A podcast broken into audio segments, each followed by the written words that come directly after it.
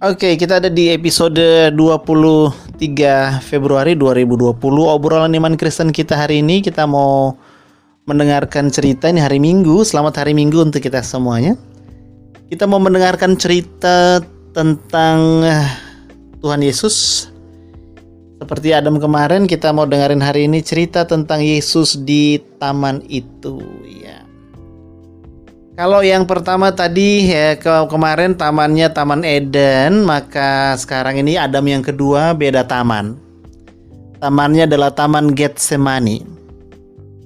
Nah, Taman Getsemani ini menurut Injil adalah taman yang disukai Tuhan Yesus ketika dia bersama murid-muridnya. Ini salah satu taman favorit lah.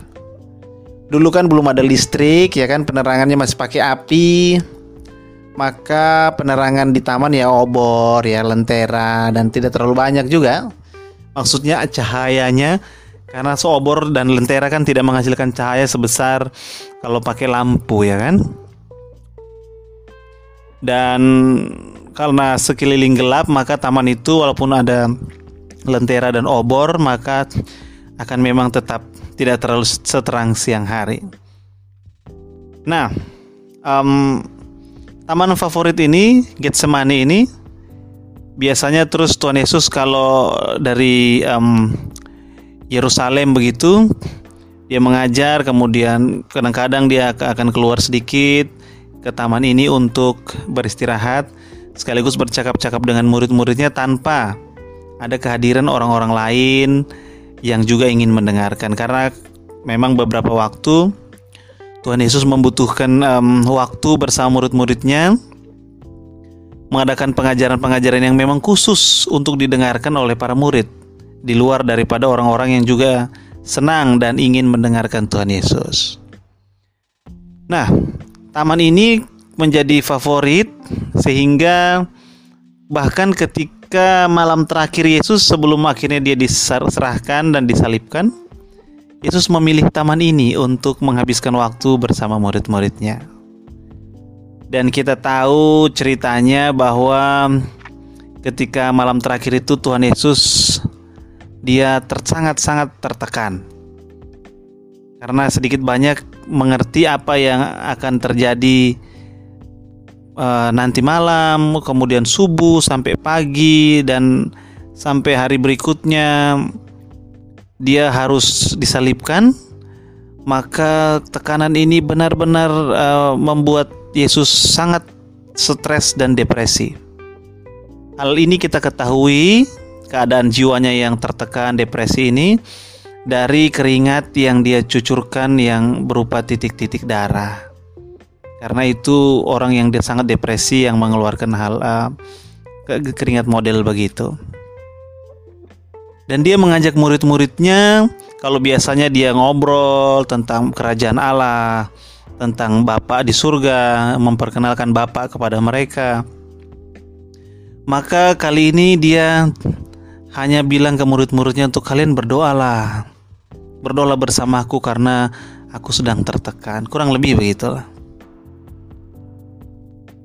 Dan ketika Yesus sendiri mau berdoa dia mengajak dari 12 orang dia ambil tiga orang yang biasa juga dia ajak pada urusan-urusan tertentu yang tidak membutuhkan kehadiran sisa muridnya sembilan itu hanya tiga orang.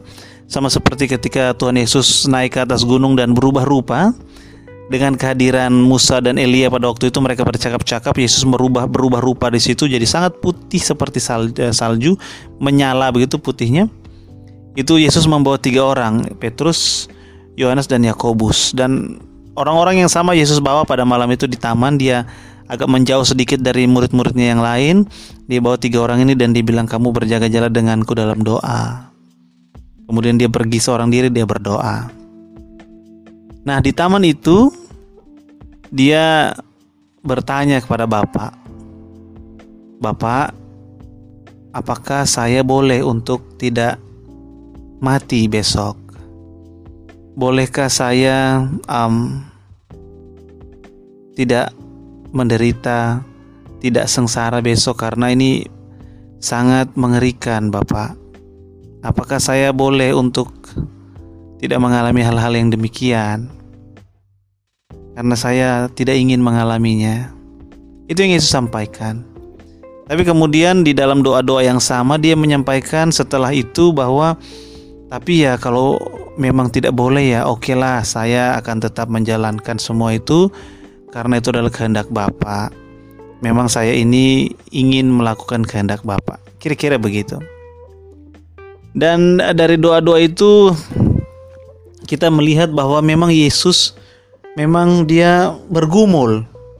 Dia berat untuk um, menjalankan apa yang memang harus dia jalankan pada waktu itu.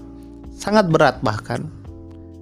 Dan kita tahu bahwa um, pada akhirnya tiga kali dia berdoa dan setelah berdoa ada malaikat Tuhan yang menampakkan diri padanya untuk memberikan kekuatan.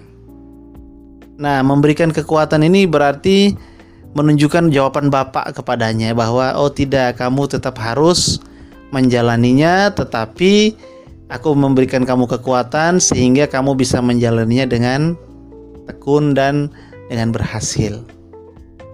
Nah, bagian ini kita jadi tahu bahwa betapapun yang Yesus rasakan, tekanan yang dia alami, jiwanya yang benar-benar takut dan tertekan, tidak membuat Yesus kemudian mengikuti um, tekanan tersebut. Dia tahu bahwa akan ada sakitnya yang luar biasa, penderitaan, tetapi Yesus tetap mau ikut kepada kehendak Tuhan, Bapaknya.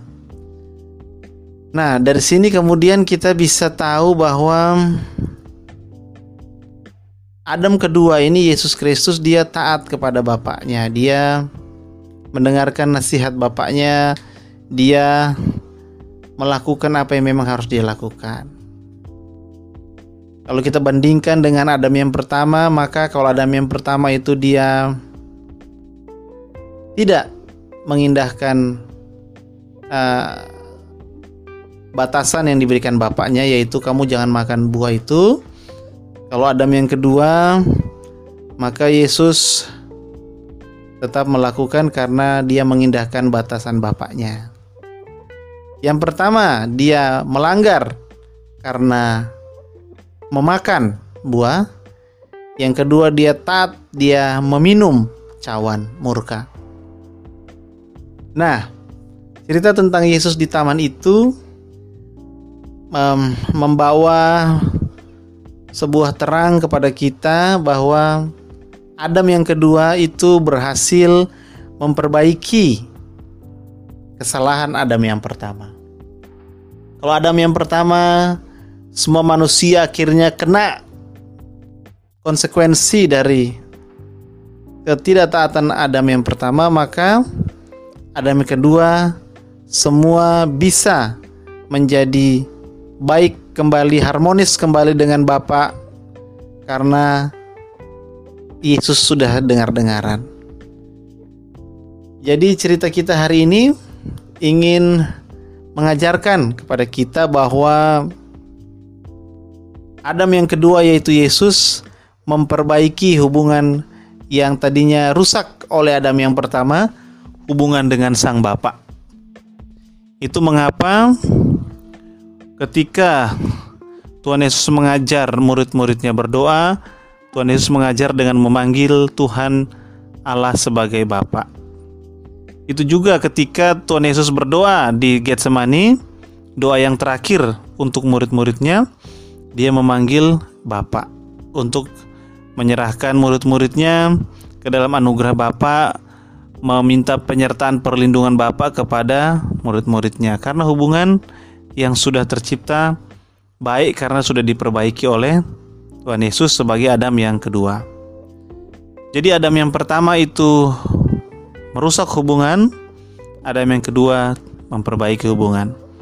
Ada yang yang pertama itu e, mengalami jarak yang jauh dengan Bapa, Adam yang kedua memperbaiki, memperpendek jarak dengan Bapa sehingga hubungan manusia dan Allah Bapa menjadi harmonis, manusia dapat kembali memanggil Allah, memanggil Allah sebagai Bapaknya.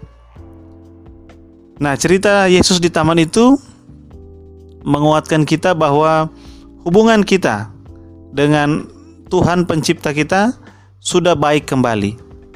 Bahkan Paulus di dalam Roma 5 mengatakan bahwa kita ini hidup dalam damai sejahtera dengan Allah oleh karena Tuhan Yesus.